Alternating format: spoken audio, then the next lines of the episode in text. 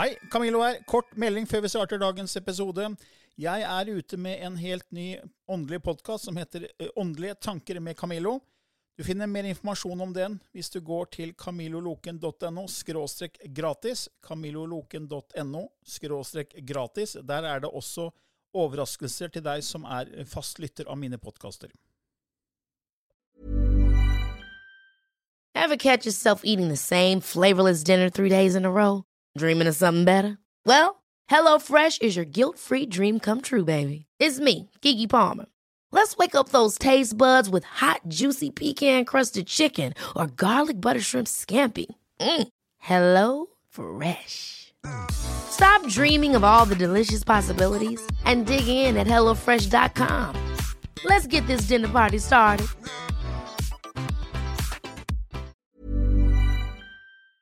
I denne podkasten belyser vi temaer innenfor den ikke-fysiske åndelige verden, og hva vitenskapen eventuelt sier om dette. Mye av innholdet er basert på vår erfaring gjennom mange år og på informasjon fra ulike kilder. Vi deler her med deg vår sannhet, som kanskje ikke er en universal sannhet. Noen av podkastene inkluderer også gjester som deler med seg sin opplevelse av hva som er sant og riktig innenfor disse temaene, noe som nødvendigvis kanskje ikke alltid stemmer med vår egen sannhet. Mer informasjon om vår podkast finner du på andogvitenskap.no. Takk for at du lytter til vår podkast.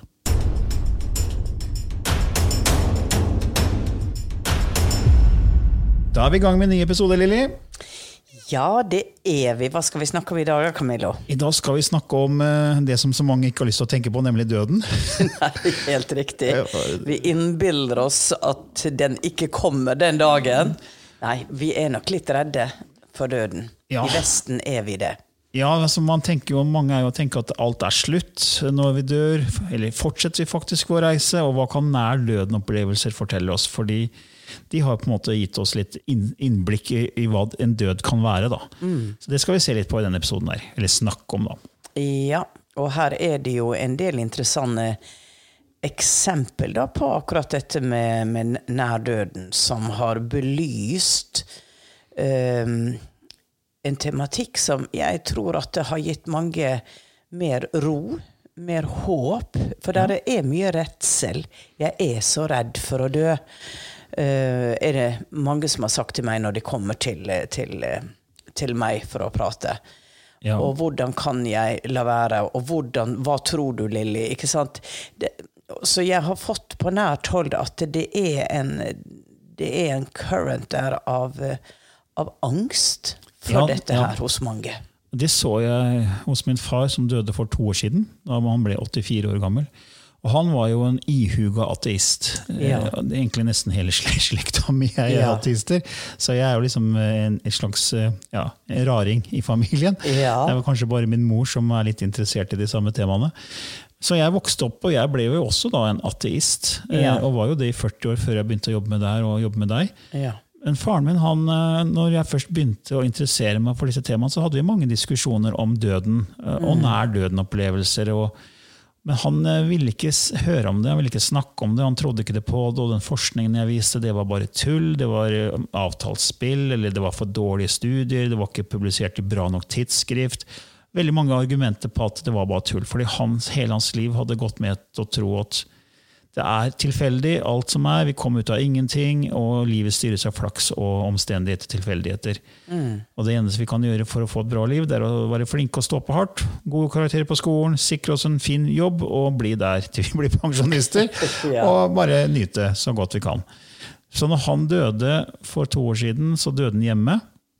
Yeah. Han fikk, først eh, nyre, han fikk vel hjertesvikt først, og så etter hvert nyresvikt. Og Da var han hjemme og lå på dødsleiet hjemme, så jeg fikk se hans liv ebbe ut time for time. og det var, det var en spesiell erfaring. Mm. Eh, men jeg fikk ikke se selve dødsøyeblikket, for jeg kom noen timer for sent. For han døde på morgenen en, en tirsdag. 6. Eh, mars var det vel.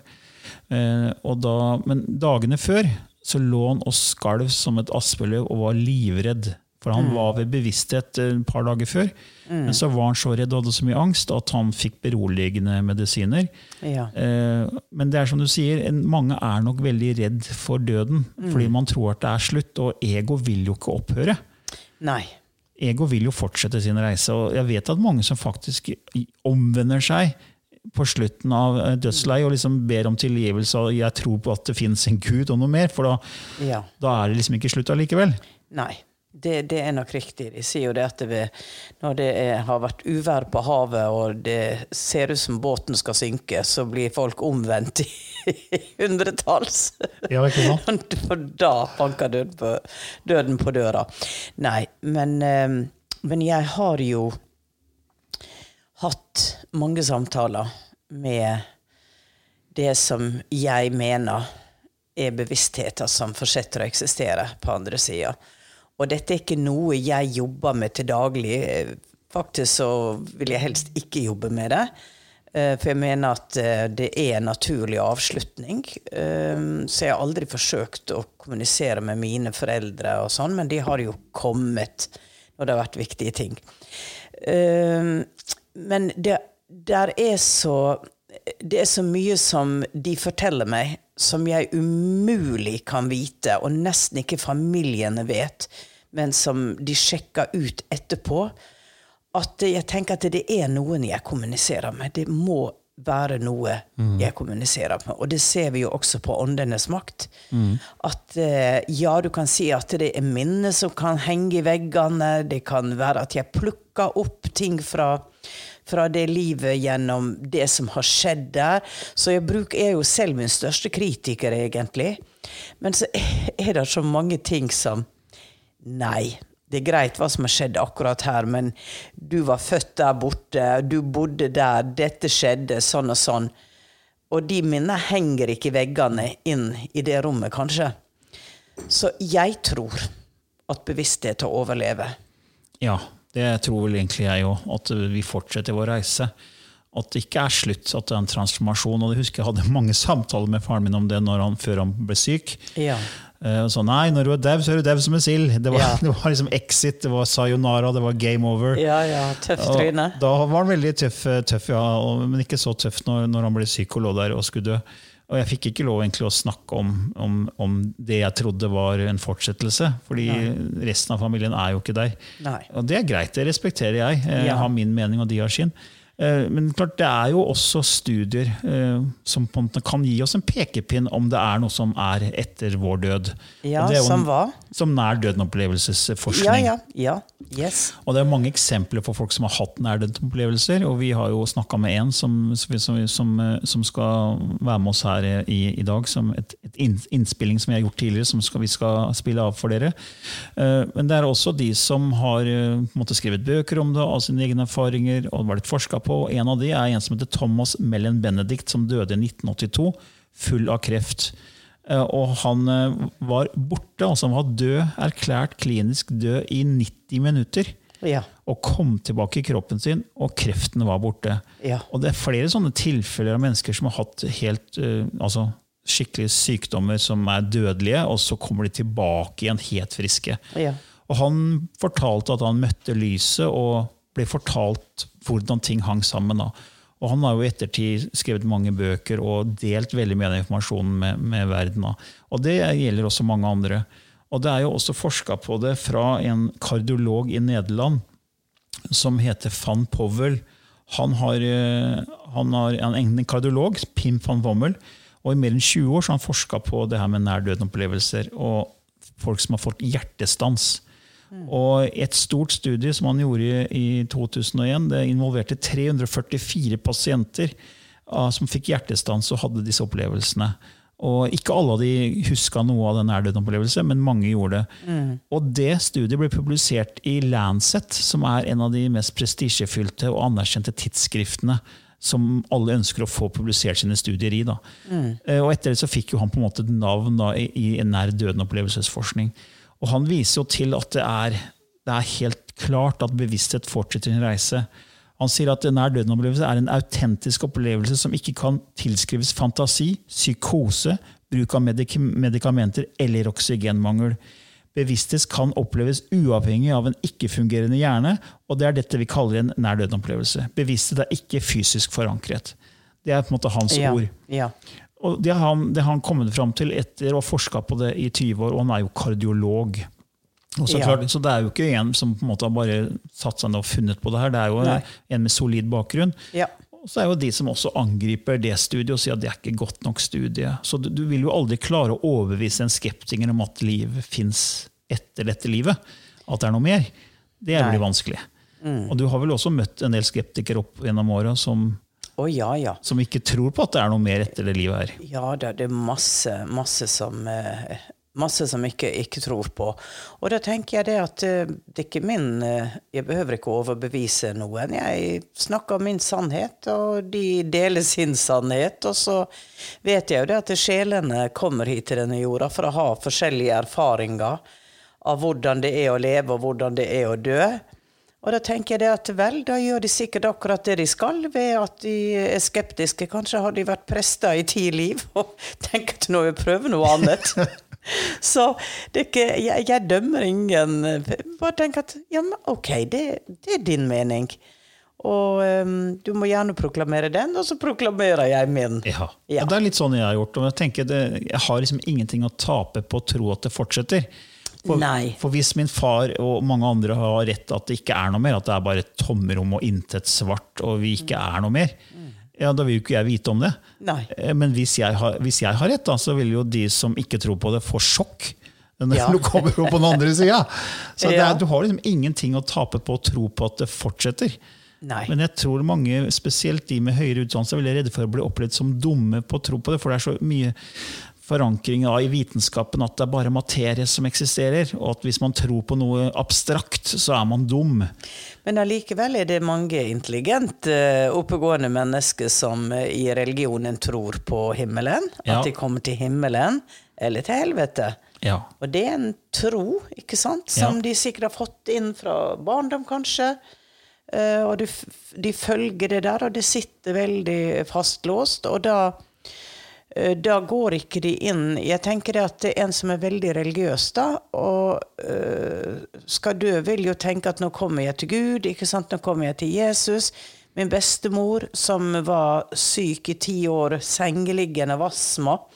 Og hun sa hele tida at kan ikke jeg få lov å dø, for da, da møter jeg jo Jesus og var sterkt religiøs uh, på en nydelig måte. Og jeg er jo overbevist om at den dagen hun gikk over, så den som sto og venta på henne, var jo Jesus. Mm. Uh, for jeg tenker, De har sagt til meg at i min fars hus, som det står i Bibelen, there are many rooms how, uh, where you vibrate and have your consciousness.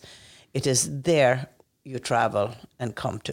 Altså, uh, vi er på en måte ikke i samme rommet, da, mm. er min forståelse. Mm at vi kommer dit vi, vi, eh, vi, vi Da ble det helt krøll på tunga her. Der hvor vi vibrerer, kommer vi. Mm. Til den tro, tanke, opplevelse. Og det vil jo også tilsi at um, bestemora mi ble nok ikke nabo med Hitler, for å si det sånn. Mm. Vi er klynge av likedan tenkende eh, vesen. Og så vil man jo gå videre på andre sida. For meg er den andre verdenen eh, som det er her, ofte et speilbilde av dette. Men kan også være totalt annerledes, som en venn av meg som begikk selvmord for mange mange år siden. Som var veldig kunnig i alt det vi snakka om. Hadde forska, studert, levd det, og kom til at eh, nå var han ferdig med det han skulle gjøre her, og helsa var veldig skral, og nå ville han hjem. Mm. Så i stor glede og med et langt brev så gjorde han slutt på dette livet her, og jeg var sinna på han for at vi skulle skrive bok sammen. Mm. Og så stakk du av, liksom. Og det var ingen kommunikasjon, jeg merka han ikke, følte han ikke. Og så, et par år etterpå, så sitter jeg og meditere. Det hadde skjedd veldig mye i mitt liv. Jeg hadde flytta ut hjemmefra, jeg satt alene i en liten leilighet, og jeg mediterte mye på den tida. Så sitter jeg der, og plutselig er det som om han står i rommet. Jeg tenker Neimen, du? Er du her? Og så sier han, 'Jeg vil fortelle deg hvordan jeg døde'. Og jeg vet jo at han eh, det visste jeg ikke da, men jeg sjekka det etterpå for å høre hvordan var han døde. For da sa han det at eh, jeg, jeg satt Og så var det som om det var en noe som pressa oppover. Jeg kjente hvordan altså, legemet forsvant.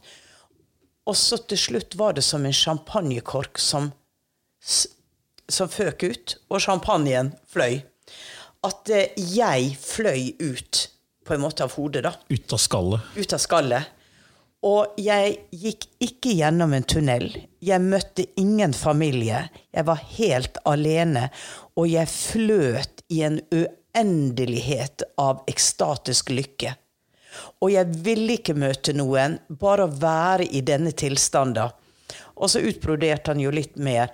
Så, så han, han var veldig glad når han valgte. Og han skrev at 'jeg velger den retten jeg har til å bli født til å, til å slutte av livet når jeg har gjort det jeg skal'. Og selvfølgelig, det kan du jo uh, få motargument på. Og det var jo mange som jeg fikk en del e-mailer som sa at det er ikke farlig å forherlige døden for de som tenker på å eh, begå selvmord, for du, da blir det så lokkende. Mm. Og jeg måtte tenke på den at eh, Oi, ja, mm. gjør jeg virkelig det? Men jeg følte likevel at eh, der hvor det er mye angst, så er det også en god historie å høre. Han var et veldig bevisst eh, tenkende menneske. Og det var ikke noe som var fremmed det rart for han. Folk på andre planeter, alt, alt var der. Men det var så vakkert, det han, mm. det han skrev. Og så sa han dette, hvis du kaller på meg, så vil jeg komme til det. Det er ikke for sent å skrive den boka. Så jeg smilte vel litt og tenker vi får nå se litt på det, da. Ja. ja. Ja, fordi Det er jo snakk om at da bevissthet fortsetter sin reise. Men det er, klart det, er jo selvfølgelig de som sier at det, det, ikke er reelt. Eh, selv om van Pommel, som da har gjort store studier på nærdøden-opplevelser, så er det kritikere og skeptikere. Ja. Og Senest her for et par år siden så var det et eh, forskerteam i London som eh, som gjorde forskning på DMT, og det nevnte vi i en annen episode også. At de forsket på DMT, som er et hallusinogent stoff som finnes naturlig i kroppen, men som du også kan ta inn i kroppen ved å spise eller gjøre forskjellige seremonier og sånt, og få en sånn trip, da, få en utvida bevissthetsnivå. Og De har et studie hvor de har 13 pasienter som fikk DMT, som, da, som de fikk en opplevelse som da de sammenlignet med nær døden-opplevelser. Og de fant veldig mye korrelasjon, mye samstemthet med det, de erfaringene disse pasientene hadde, med de som har rapportert om nær døden-opplevelse. For det her var jo pasienter som på en måte var friske. Det var ikke noen syke, hadde ikke noen mentale sykdom. ingenting. Det var friske frivillige ja. som sa ja til det eksperimentet. Og så sammenlignet deres erfaring med det de hadde på, på pasienter med nær døden-opplevelser. Og det var veldig likt. da. Så, ja. så de konkluderte jo etter, etter bare da 13, 13, 13 studiedeltakere med at eh, det er ikke noe etter eh, det livet her, for det er bare hjernen som tuller med oss. Ja. Det er bare hallusinasjoner. Ja. Så de mener at det er slutt. Så det var liksom deres bevis på at det ikke er noe mer. Men det her var et lite studie med kun 13 pasienter. Mens du ser van Powell, da, som har dette enorme studiet med mange hundre pasienter med, med hjertestans. Og det, han er ikke den eneste. Du har jo Moody fra, fra USA som har holdt på i 40 år med å studere nærdøden-opplevelser. Det fins Gray, Grayson er han heter. Det er ganske mange som har, som har gått inn i den materien. Mm. Og Atwater, PHM Atwater, hun, hun, selv, hun er en dame som vi nevner i Bevissthetsskiftet, boka vår, den første boka vår, som fikk tre nær døden-opplevelser i løpet av tre måneder. Så hun dør Tjo, og så er hun tilbake. Ja. Og så dør hun jaggu meg igjen noen dager etterpå, tjo, og så er hun tilbake. Og så et par måneder etter så dør hun en tredje gang. Ja. Og så er hun tilbake i kroppen sin. Og hun, hun ble jo så ekstremt fascinert av nærdøden-opplevelser etter det at hun måtte finne ut av det. Så hun reiser rundt og intervjuer 3000 mennesker med nærdøden-opplevelser og finner mange fellestrekk. da. Ja. Og hun, og hun, forteller jo selv hvordan hun fikk forståelsen av hvordan materie, eller energi blir materie. og at alt er energi, og at den energien kan bli materie gjennom det vi fokuserer på, vår tankevirksomhet. Så hun sa at når hun første gang døde, så så hun sånne grå bobler i luften rundt seg. Så hun skjønte ikke hva disse grå boblene var for noe.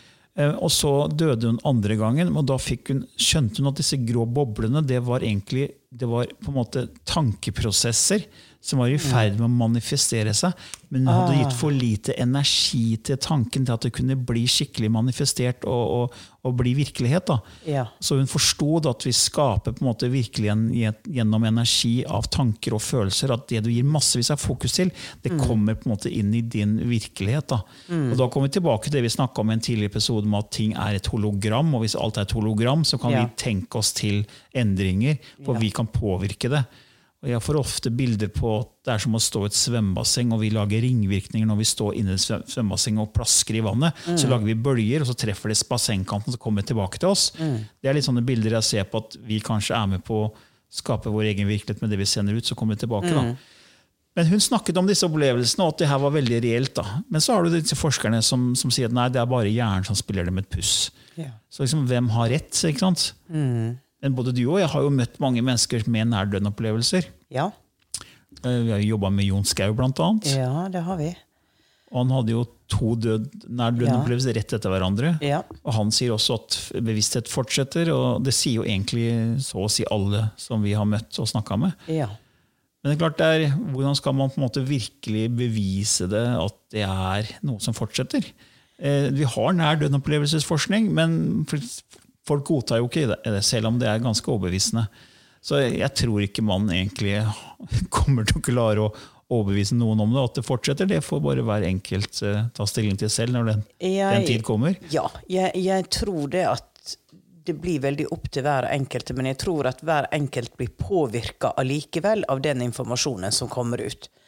Så eh, det er et drypp her og et drypp der.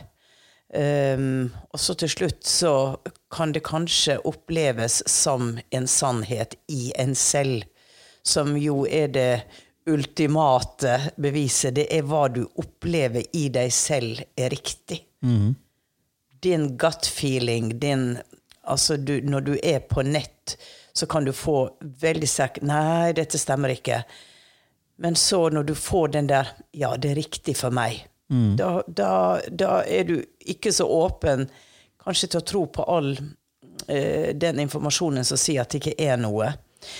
Men det er jo, det, det, dette er jo et stort tema, vet du, Camillo, fordi at eh, eh, du kan se innenfor religionen, ikke sant, så gikk de jo i døden for kirka di, altså korsfarerne, ikke sant, de ga sitt liv for sin tro. Ja, Vikingene Vikingen òg, ikke sant? ja, for at de skulle Ja, vikingene til Valhalla, da Ja, kom de ja, til Valhalla.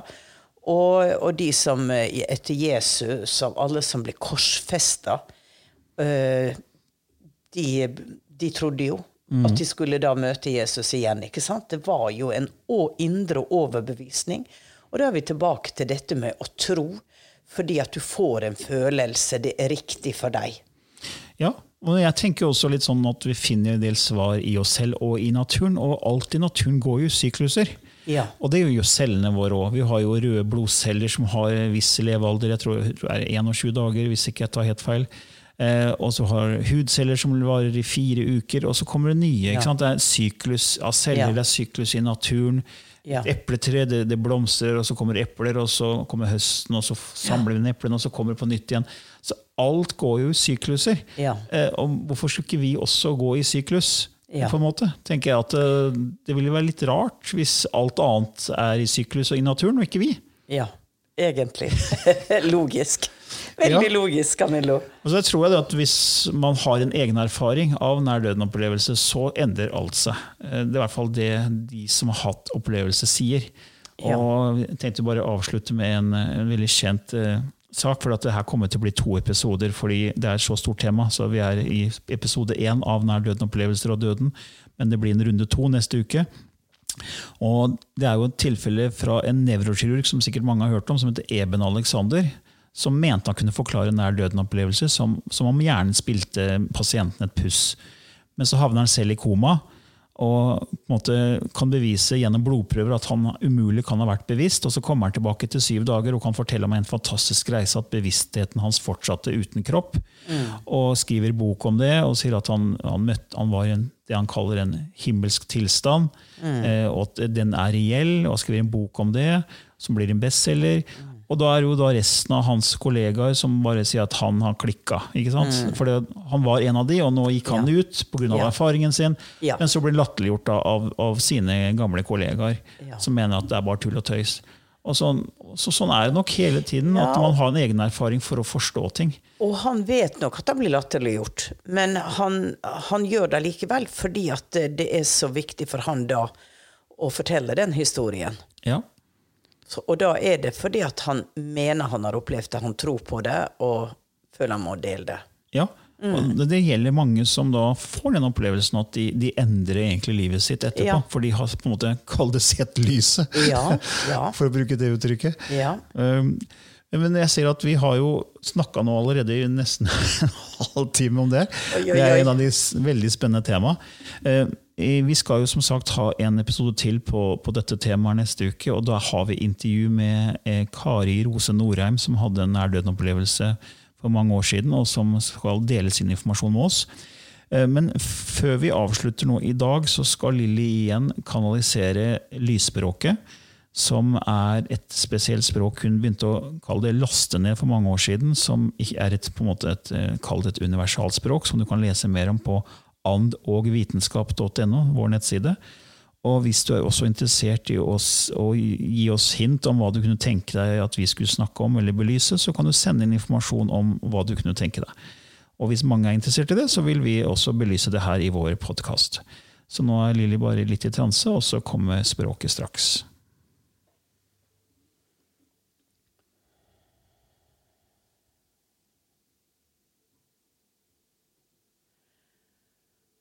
o kua shana tu kua ha.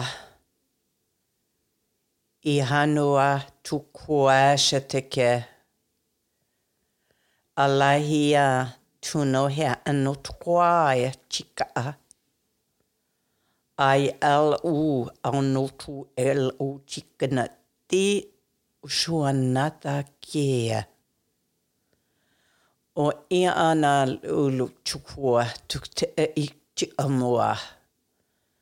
Inahi takai elehi nu. Jena tikiha. I e notukoha. I el e ti i sotutukia.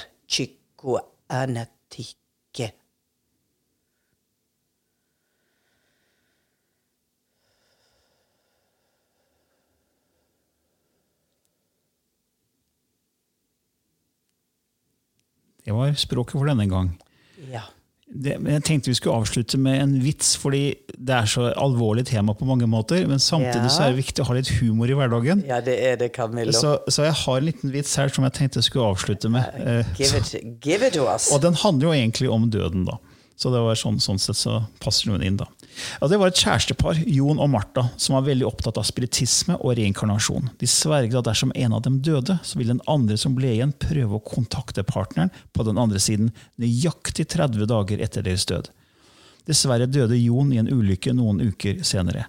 Martha gjorde som avtalt, hun prøvde å kontakte ham i åndeverden nøyaktig 30 dager senere. I løpet av seansen så spurte hun Jon, Jon, det er Martha, kan du høre meg? Er du der? Plutselig hørte hun en stemme som sa Ja, Martha, det er Jon, jeg kan høre deg. Martha ble rørt til tårene og spurte Å, Jon, hvordan er det der du er? Det er vakkert, det er blå himmel, en myk bris og solskinn mesteparten av tiden. Hva gjør du hele dagen? spurte Martha. Vel, Martha, vi står opp når det er soloppgang, vi spiser god frokost, og så elsker vi helt til formiddagen. Etter lunsj sover vi til klokken to. Og så elsker vi igjen til klokken fem. Og etter middagen fortsetter, fortsetter vi å elske helt til vi sovner klokken elleve. Martha ble overrasket. Er det slik himmelen egentlig er? spurte hun. Himmelen? Jeg er ikke i himmelen, sa, sa Jon. Men hvor er du da? spurte Martha. Jeg vet ikke, men jeg er en kanin. Jeg tar litt trutt på. Woo! Da avslutta vi med litt sånn humor og litt latter. Ja. Men da er vi tilbake neste uke Lili, med en episode til av Døden og nær-døden-opplevelser. Jepp. Ha en levende dag. Yes. Ha det bra. Hei. Ever catch yourself eating the same flavorless dinner three days in a row? Dreaming of something better? Well, HelloFresh is your guilt free dream come true, baby. It's me, Kiki Palmer. Let's wake up those taste buds with hot, juicy pecan crusted chicken or garlic butter shrimp scampi. Mm. Hello Fresh. Stop dreaming of all the delicious possibilities and dig in at HelloFresh.com. Let's get this dinner party started.